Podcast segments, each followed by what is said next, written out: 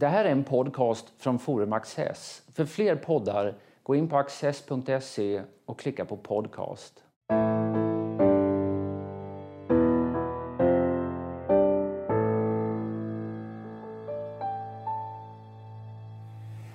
Välkomna till Studio Access. Eh, min gäst idag heter Isak Skogstad.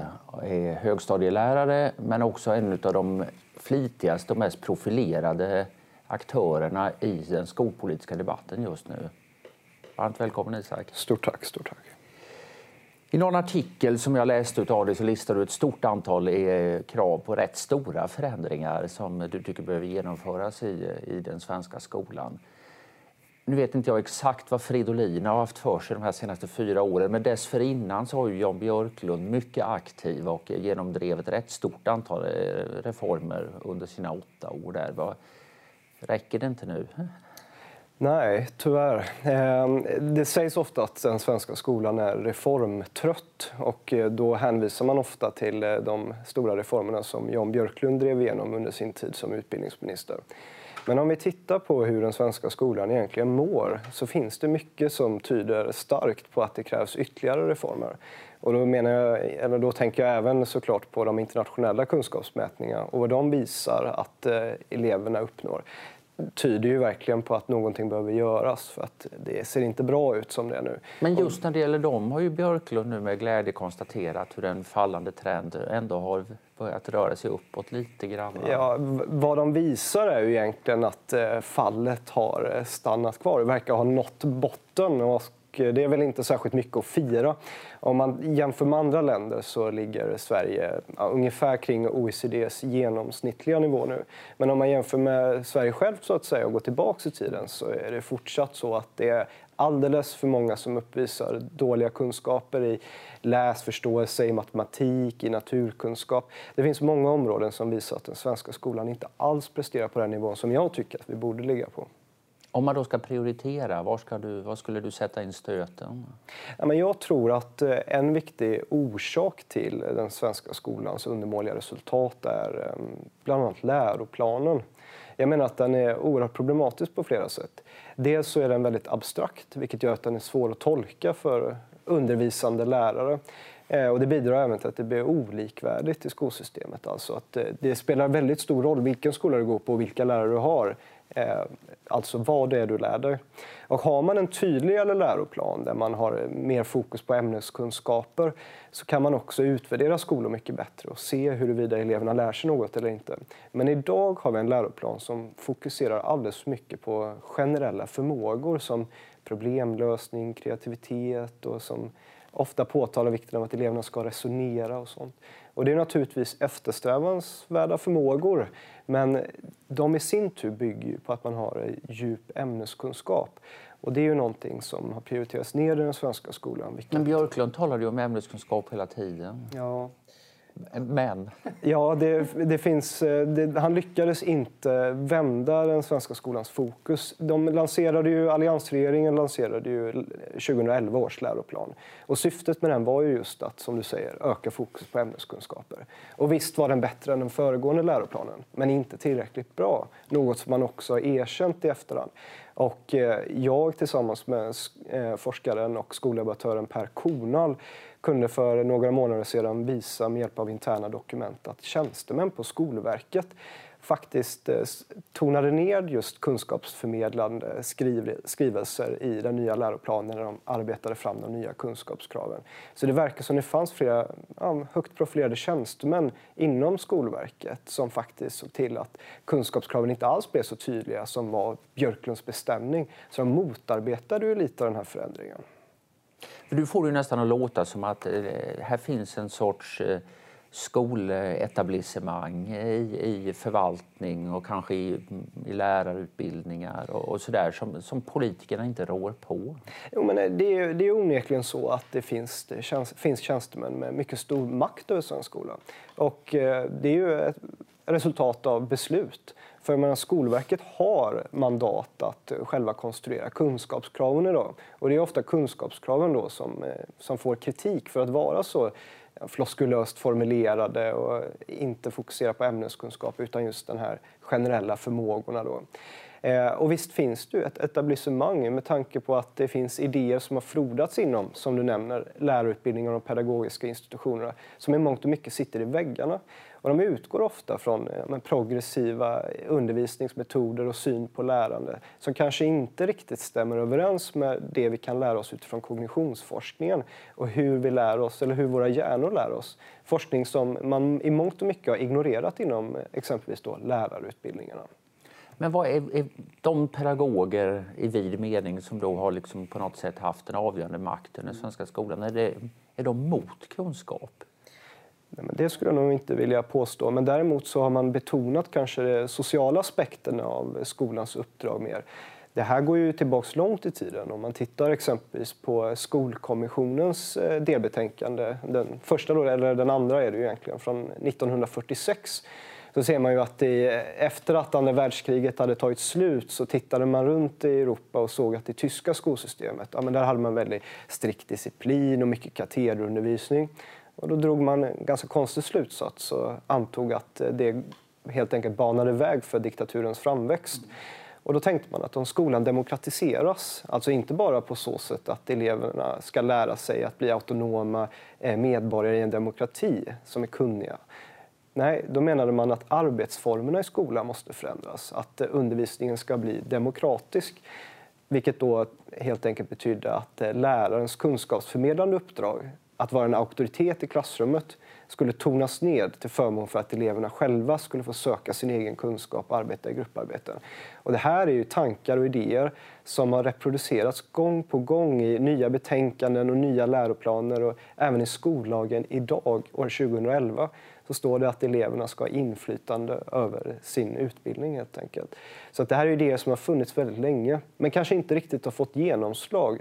För om man tittar på den statistik som visar vilka exempelvis undervisningsmetoder som används i svensk skola så kan man se att ända in på 80-talet så var det fortfarande katederundervisning som var den dominerande undervisningsformen. Men att det började en nedgång efter det. Och som värst kanske det var på 90-talet men även än idag så visar den allra senaste datan att den svenska skolan använder i högst utsträckning av i princip alla länder i OECD av så kallade elevcentrerade undervisningsmetoder. Alltså själva motsatsen då till lärarledd katederundervisning. Elevcentrerad låter ju väldigt bra, så att säga, med individen i ja, centrum. Men, det låter... men vad, är det för fel på det enligt dig? Då? Ja, men, eh, felet är att man försöker måla upp en motsättning mellan, att, eh, mellan katederundervisning och eh, mer progressiva undervisningsmetoder. Där man säger att katederundervisning är passiviserande för eleverna för att de inte aktiverar sig i sitt eget lärande. Men jag menar, det är klart att man kan lära sig något utan att vara fysiskt aktiv. Jag tänker bara om man läser en bok utåt sett så kan man se väldigt passiv ut. Men det, viktiga är ju inte vad som händer med din kropp så att säga utan det viktiga är vad som händer kognitivt i din hjärna för det där inlärning sker. Och man har länge trott, eller ansett då att katederundervisning ja, det är så passivt, det gör att eleverna inte lär sig någonting.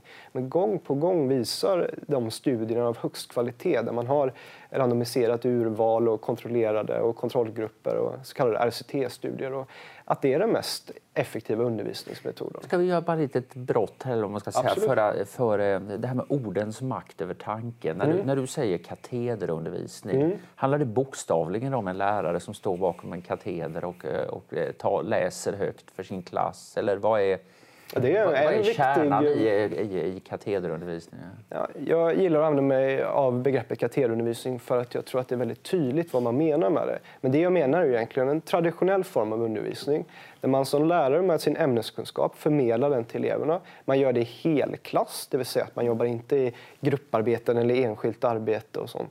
Utan man helt enkelt förmedlar kunskap. Man har kanske läxförhör i helklass. Man har ju naturligtvis en dialog. Det är ju inte en monolog man för utan hela tiden ställer frågor till eleverna eh, frågar dem så att man har koll på dem, hänger med och allt sånt. Det kan vara ett väldigt levande undervisningsformat som absolut kan innehålla mycket dialog och det vitaliserar ju ofta undervisningen när man får frågor från eleverna och jag helt enkelt kan få reda på vad det är de inte förstår eller vad de vill veta mer utav. Men vad är det som gör att det är effektivare än ett system med grupparbeten och att eleverna forskar själva som det ofta heter nu för tiden? Eh, det är svårt att säga exakt varför, men om man tittar exempelvis på kognitionsvetenskapliga studier så har man kommit fram till att hjärnan har två huvudsakliga minnesprocesser. Vi har arbetsminnet och vi har långtidsminnet. I det förstnämnda, alltså arbetsminnet, sker vårt tänkande och det är verkligen en fantastisk minnesprocess där vi kan eh, lösa problem och iaktta vår miljö och ta beslut och allt sånt. All vår tankeverksamhet sker i arbetsminnet. Problemet med arbetsminnet är att det är oerhört begränsat. Det kan bara innehålla ja, cirka sju bitar av information samtidigt. Och för att, eller om det fylls för mycket så sker vad som man kan kalla för kognitiv överbelastning. Det vill säga att man blir frustrerad och man tappar fokus. Men tack vare att ha mycket kunskap i långtidsminnet så kan man liksom ta sig runt begränsningar av arbetsminnet. Det är därför man blir mycket bättre på att tänka kreativt och fritt och lösa problem om man har gediget med ämneskunskap i sitt långtidsminne. För det finns inga begränsningar i långtidsminnet och den informationen som finns där upptar inte så mycket av kapaciteten i arbetsminnet. Men när elever lämnas för sig själva för att lösa stora problem eller arbeta med projektinlämningar och sånt så tenderar det att överbelasta deras arbetsminne. Det gör att inlärning inte sker, att de tappar fokus och blir frustrerade. Men om man har en lärare som förmedlar så kan man se till att deras arbetsminnen inte blir överbelastade genom att successivt, steg för steg eh, förmedla kunskaperna som de behöver och hålla koll på allting. För när eleverna klarar inte riktigt det själva, de är inte kognitivt mogna eller kunniga nog. För ofta är det väl så att i, i, diskussionen så beskrivs det här som du kallar för katederundervisning som liksom ett, eh, att det leder fram till ett rätt mekaniskt innötande av saker. Det, det kan vara matematiska metoder eller tyska verb eller, mm. eller regentlängden eller vad man nu är, är, talar om. Mm. Men det handlar inte bara om det alltså? Nej, men jag tycker heller inte att man ska bortse från det. Det är jättebra med utan tillkunskaper. Jag brukar kalla det, eller det brukar benämnas som automatiserad kunskap inom forskningslitteraturen. Ett tydligt exempel på en alldeles fantastisk kunskap att ha just eh, utan till i sitt huvud är ju eh, multiplikationstabellen. Eh, det är någonting som man exempelvis i Japan eh, säger att eleverna redan i tidig ålder i lågstadiet ska kunna utan till. Det, ska, det är inget snack om den saken. Just för att om man inte behöver ägna så mycket av sitt arbetsminneskapacitet åt enklare ekvationer utan man har det i bakhuvudet för man kan det som rinnande vatten. Ja, då underlättar det helt enkelt när du ska utföra mer avancerade beräkningar för att just multiplikationstabellen är automatiserad. På samma sätt så gäller ja, men, historiska årtal. Har man det i bakhuvudet och det som är utan tillkunskap så är det mycket lättare att se kronologier och sätta samman och sånt. Ju mer kunskap vi har utan till, desto bättre kan vi tänka. Så du ser inte den här kollisionen mellan att ha tillägnat sig ett stoff å ena sidan och att vara kreativ och påhittig å den andra? För det, det har väl mycket varit det som har varit argumentet, att, eh, att det ena är mekaniskt passivt och emottagande och det andra ska vara mer aktivt och stimulerande och sånt där. Ja, men vi vet att det inte är så idag. Alltså om man tittar vilka eh, länder som presterar högst i mätningar som mäter exempelvis kreativitet och digital problemlösning ja, då hittar vi de här kunskapsnationerna i Östasien. Varför? Jo, för att eleverna där har en solid kunskapsbas från grunden vilket möjliggör det här högre tänkandet, om man kallar det så. Eh, dessutom är förmågor som kreativitet och problemlösning och kritiskt tänkande som man ofta talar om nu i dessa tider. Mm. Det är så kallade domänspecifika förmågor som bygger eller förutsätter ämnesexpertis. Och använder man ett ord som ämnesexpertis så blir det väldigt tydligt att man verkligen behöver djupa kunskaper för att kunna tänka kritiskt. Det går alltså med andra ord inte att vara generellt bra på kritiskt tänkande.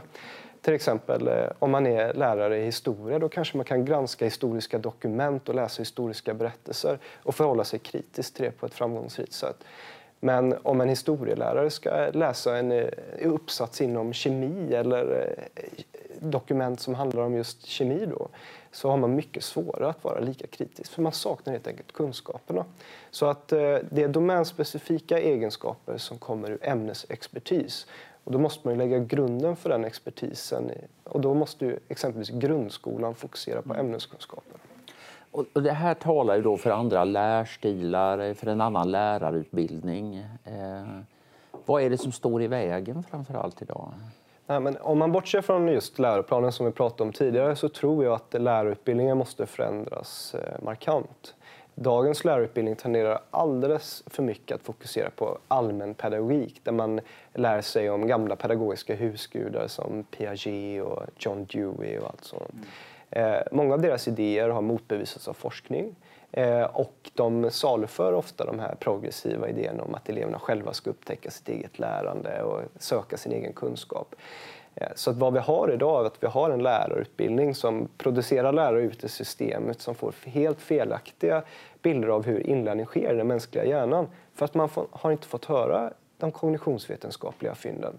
Det i princip ignoreras ute på landets lärarutbildningar. Och det kan man enkelt se om man går igenom vilken kurslitteratur som används. Eller om man gör som jag, att man pratar med många lärare som har genomgått den nya lärarutbildningen. Det gjorde jag ju i och med att jag var ordförande för en organisation för lärarstudenter. Och det var väldigt tydligt att de flesta hade full koll på vem eh, Piaget var men de hade aldrig hört talas om vad som skilde arbetsminnet från långtidsminnet. Trots att det är ett av de viktigaste, en av de viktigaste kunskaperna att ha som lärare. Så det här är lite grann som om man undervisade läkarstudenter om åderlåtning eller, någonting sånt men, men sen inte talade om att man har kommit på bättre grejer efteråt. Ja, alltså, men, men vad, är det, vad är det, kan inte de som utformar lärarutbildningarna, känner inte de till den här kunskapen som du talar om? Eller? Det är, så är det säkerligen i många fall men nu vet, det är många som har byggt sig en karriär på att saluföra vissa pedagogiska ideal och när man eh, helt enkelt får bevis för att det inte fungerar och då kanske man blir ännu mer defensiv. Man har slutit lärarutbildningen också, då har man blivit likt isolerade öar. Så att istället för att öppna upp för andra vetenskapliga discipliner så är det främst och mestadels pedagoger som håller i de här kurserna.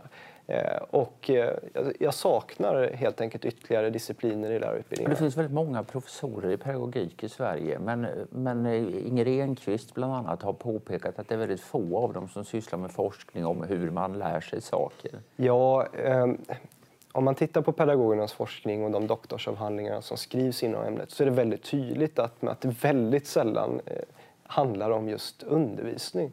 Hur arbetar man i klassrummet så eleverna lär sig mer? Då är det mer nationalekonomer och kognitionsvetare och psykologer i viss mån också som har gjort bättre studier där man mäter effekten av olika undervisningsmetoder och dylikt. Vad får du för reaktioner från det pedagogiska etablissemanget på dina insatser? Jag menar, du är mycket flitig och finns i alla möjliga olika kanaler med artiklar och uttalanden. Och så. Ja, det är klart att jag får oerhört mycket kritik men det är klart att det kan vara jobbigt ibland, men å andra sidan så känner jag att det stödet jag får från yrkesverksamma lärare och inte minst lärarstudenter då, i och med att jag ofta skriver om lärarutbildningen, mm. gör att man bara drivs och fortsätter och inser att det faktiskt finns ett problem. Men sen så är det också ganska roligt för att jag, det händer ju att jag blir kontaktad av personer som är yrkesverksamma inom lärarutbildningen där de uttrycker sympatier och håller med om problembeskrivningen jag lägger fram, men att de känner att de kanske inte riktigt kan yttra det på sina arbetsplatser. Eh, men kritiken jag får från, eh, från högskolepedagoger handlar ofta mer om mig som person kanske än mina sakargument.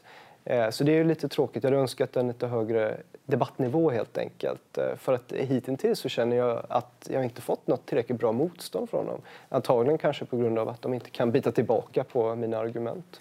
Men är du en ensam ropande röst här? Eh, eh, eller känner du att du är del av en ett omtänkande som pågår på bredden mera. Vad händer i andra länder till exempel? Ja, om jag börjar med din första fråga så känner jag mig inte ensam om man säger så. För att eh, hade detta varit på 90-talet så kanske jag hade varit ganska ensam. Men eh, idag så har det blivit allt mer accepterat, vilket jag är väldigt tacksam för, att det är viktigt med kunskap, att lärare kan förmedla kunskap eh, och att katederundervisning inte alls är så mossigt som, som det sägs ibland.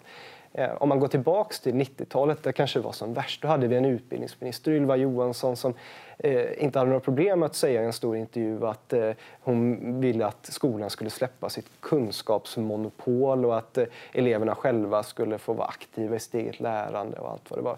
Det här kunde man säga i eh, Svenska Dagbladet utan att få utsättas för kritik på slutet av 90-talet. Men hade en utbildningsminister idag gått ut och sagt det, då hade det blivit ganska mycket kritik. Sen så om man tittar i ett internationellt perspektiv så kan man se att, ja, men om vi återgår till den här kognitionsforskningen, att den börjar få mer och mer inflytande. Om vi åker över till England så kan man se att man bland annat har gjort om läroplanerna till att just mer betona ämneskunskaper. Just för att man har förstått då att det är så viktigt att ha de här ämneskunskaperna för att uppnå förmågorna. Jag vet inte hur det är just med, med England, men det, det här PISA, de internationella mätningarna då, eller ja, det finns flera olika, PISA mm. är en del av det där man jämför olika länder. Sverige fick ju den här PISA-chocken för ett antal år sedan. När liksom, eh, jäklar, nu går det verkligen inget bra här. Och det, det, fanns, det hade varit svaga resultat, nu blev det ännu mycket värre. Och det ledde ändå till viss en stor diskussion och ett visst omtag som inte har hunnit ge så mycket resultat ännu. En del andra länder har haft motsvarande erfarenheter och en del har också lyckats vända mm. eh, trenden rätt rejält. Mm. Vad, vad har de gjort? Om man tittar på Tyskland som genomgick en eh, Der PISA-chock i början på 2000-talet. Där lade man om fokus, för det, det, man såg i det tyska skolsystemet det var att de absolut eh, sämsta skolorna, eller de skolorna med störst utmaningar och problem, de eh, var de som drog ner det eh, genomsnittliga resultatet. Så då satsade man på de skolorna genom att eh, ge mer resurser, se till att bättre lärare kunde anställas och alla insatser riktades mot de sämst presterande skolorna i systemet.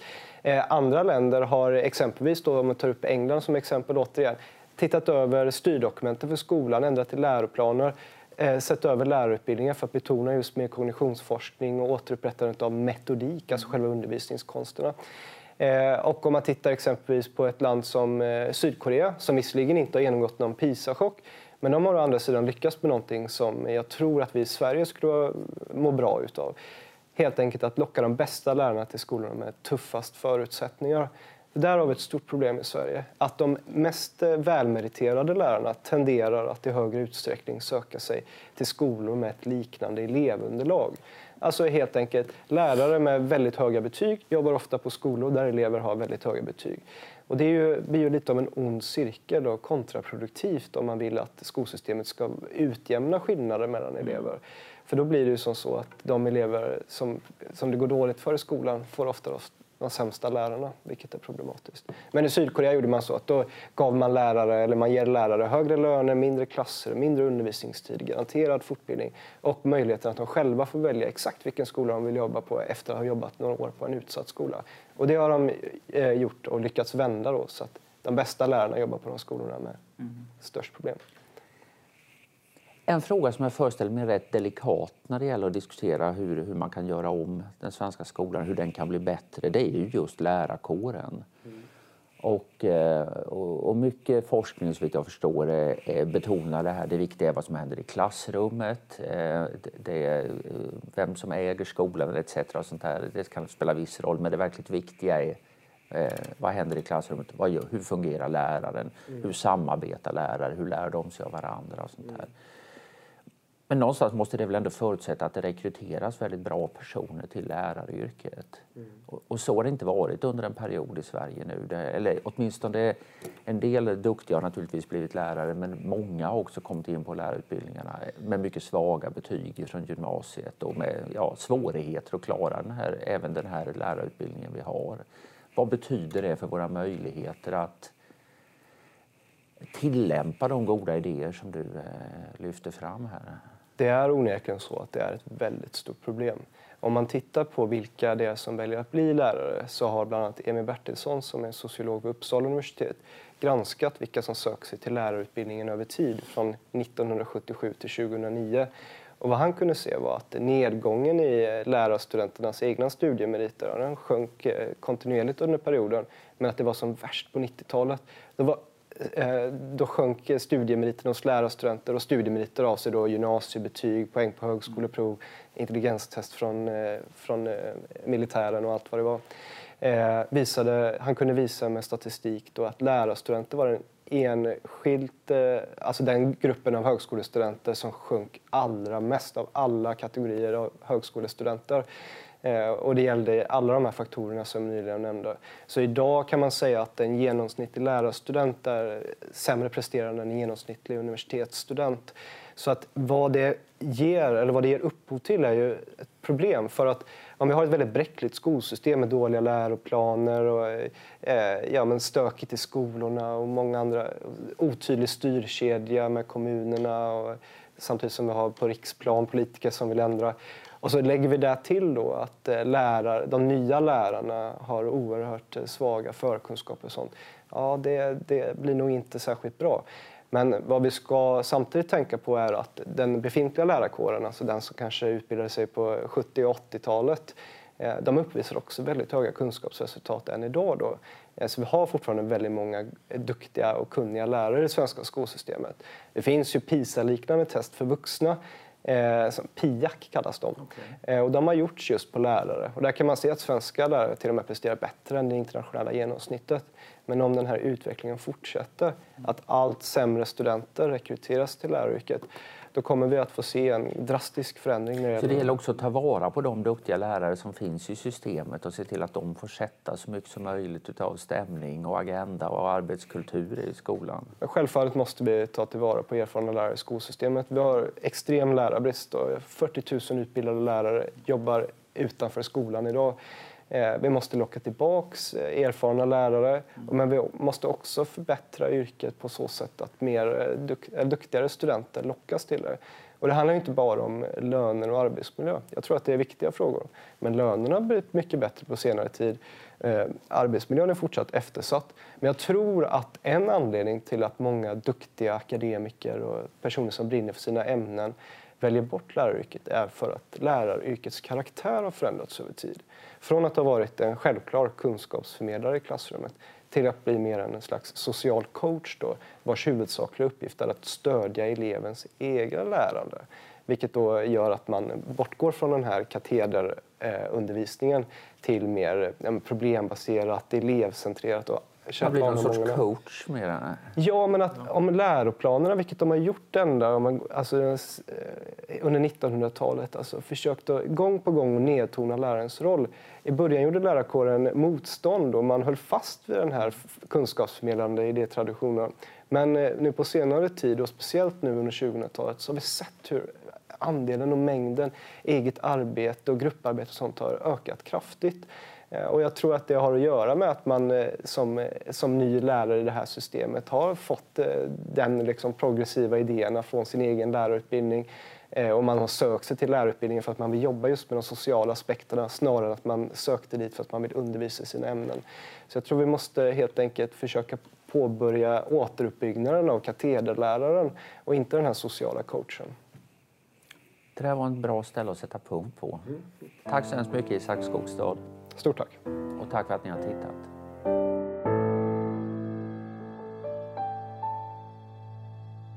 Och här kommer några extra minuter med mig och min gäst. Om man bara får sin kunskap om den svenska skolan ifrån massmedia, då är det ju en ganska dyster eh, bild man får. Ja om inte skolorna bränns ner ja. så är det liksom eh, härj och stök och vandalisering och våld och, och, lärare är rädda och lärare blir fysiskt angripna och sånt här. Det kommer tyvärr sådana nyheter väldigt ofta. Du som rör dig väldigt mycket i skolsverige, vad, vad kan du säga om hur representativt är det där? Är det, är det så här det ser ut i svenska skolor eller är det hem, trista undantag? Jag skulle vilja säga, eh, gällande om det är undantag eller inte, så vet vi att anmälningar om oro i skolan har ökat kraftigt varje år sedan 2015. Bland annat läste jag senast igår på SVTs nyheters hemsida, så har eh, anmälningar från elever som anmäler att de upplever att det är otryggt i skolan ökat varje år. Om man tittar på våld mot lärare så finns det många undersökningar som visar att eh, det är ett stort problem på många håll.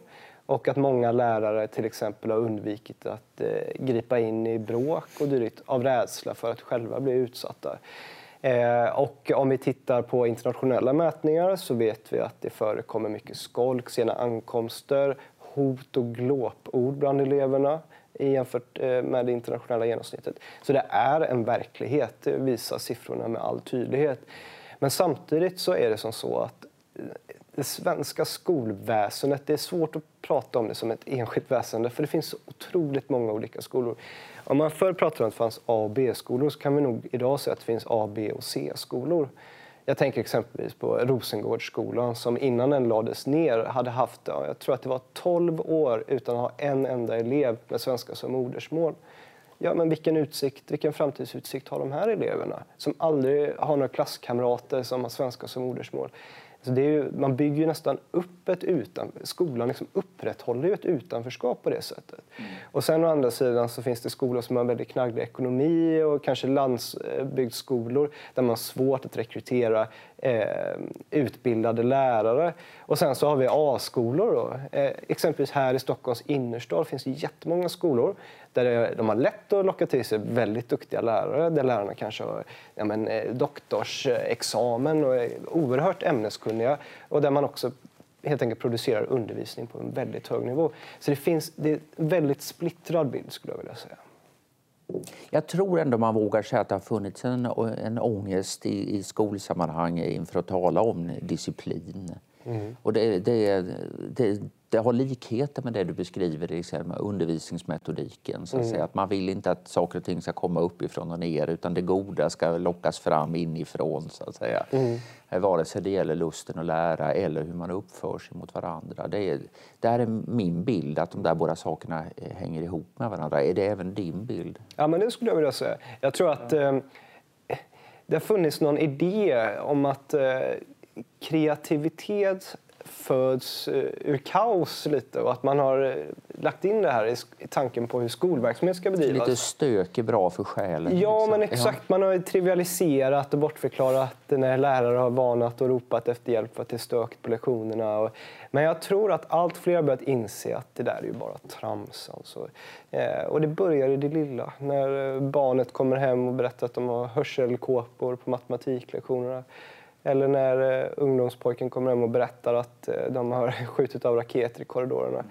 Så det kan vara både subtilt och väldigt tydligt. Men det är som så att eh, disciplin är ju någonting, tycker jag i alla fall, fint och eftersträvansvärt. Eh, om man pratar om en idrottare som uppvisar stor disciplin så är det ju naturligt någonting positivt. Men för många när man säger att ja, men det är oerhört disciplinerat på skolan så ser man det som någonting auktoritärt och något hemskt nästan. Men att i studier vara disciplinerad, det, det, är ju ett måste för att uppnå de bästa resultaten. Det vet ju alla som har ansträngt sig själva i skolan eller tagit sig an högre studier att det kräver självdisciplin för att nå framgång i studier. Ja, just det. Möjligen är väl den filosofiska förhoppningen här att det ska vara just självdisciplin. Mm. Att, att individerna ska inse alldeles av sig själva att ja. jag måste träna för att vinna den här tävlingen och på samma sätt måste jag läsa på för att det ska vara något meningsfullt att vara i skolan. Jag, mm. jag kan inte sitta och skrika på lektionerna för då lär inte jag mig någonting och det gör inte de andra i klassen heller. Nej, men, men, det, ja. men, när den självdisciplinen brister, mm. Eh, då är systemet tafflig. Jo men absolut, självfallet så är det som så att det vore naivt att förvänta sig att barn klarar av den här självdisciplinen. Vissa kommer göra det, men långt från alla. Det kräver ju alltså att man vuxna som är auktoriteter i klassrummet, lärare som har mandat att styra över eleverna och bestämma över dem. Att det, det måste vara totalt okontroversiellt. Om man överlämnar ledarskapet till eleverna så blir, så blir det flugornas herre. Alltså vi måste ha exempelvis ett system med konsekvenser om man bryter mot skolreglerna. Eh, och det är långt ifrån alla skolor Är det här en långsiktig kulturfråga som det kommer att ta åratal att ändra på när man väl har släppt anden ur flaskan? Liksom? Eller finns det åtgärder som du ser kanske inte löser problemet men i alla fall får rejäl effekt på kort sikt? Alltså jag, tror att, jag tror som du säger först då, att det handlar om en kulturfråga som kommer ta väldigt lång tid att förändra. För det tar ju väldigt lång tid att bryta ner också men nu tycker jag man har nästan lyckats med det totalt. Eh, däremot så vet vi att det här efterfrågas ju verkligen av föräldrar och elever. De vill ju ha lugn och ro. Titta på Engelska skolan.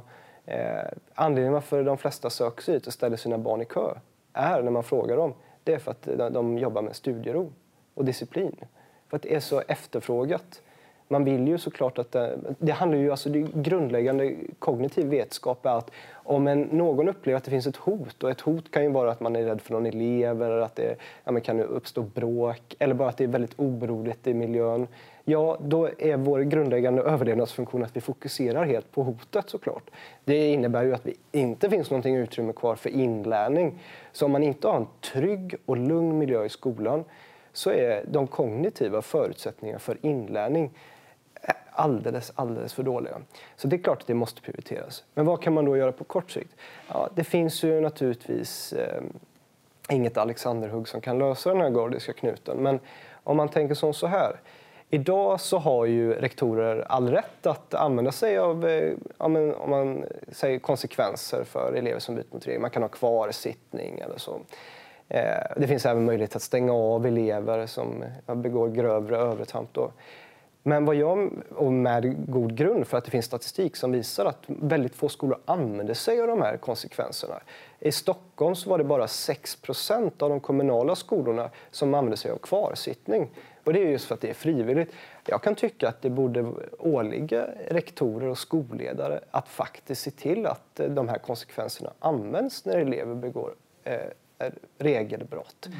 Eh, det inte... Men är problemet, säger du, att det finns ett schysst regelverk som inte tillämpas? Eller... Det finns juridiska är, möjligheter är regelverket att ha... för klent? Ja, men det är både för klent, men det finns möjligheter för en enskild eh, skola då att eh, använda sig av de här möjligheterna, men gör man väldigt sällan. Sen så är själva skollagen också väldigt klen. Exempelvis, det är väldigt begränsat hur länge en elev får stängas av och hur ofta det får ske och allt sådant. Det där... Och även efter väldigt grova grejer har man rätt att jo, komma tillbaka igen. Ja, ja, men absolut. Det är, det är väldigt eh, svårt att stänga av elever på en längre tid. Eller, och det är omöjligt att stänga av dem permanent och så. Och, och, det kanske man bör fundera på när man läser om elever som begår våldtäkter i skolan eller grova brott eller hugger en annan elev eller lärare för den delen med glasskärvor och allt vad man har kunnat läsa om. Det måste ju finnas möjlighet att stänga av elever permanent från en skolenhet men det, det, är ju inte rimligt att en, skola, eller en elev ska kunna sätta skräck i en hel skola utan att man kan vidta tillräckliga åtgärder. Mm. Lagen måste ju gälla även i den svenska skolan. Det är för mig en självklarhet. Eh, ja, det finns många trådar man kan nysta vidare i där. Och det finns ju överhuvudtaget otroliga mängder olika intressanta frågeställningar att ta upp. Ja, vi skulle kunna hålla på hur länge som helst, men jag tänkte att vi ska avsluta bara med en enda, eh, en sista frågeställning. Det här är vad tycker du att föräldrarna har för ansvar för hur det står till just nu? Ja, lite. Eh, så här.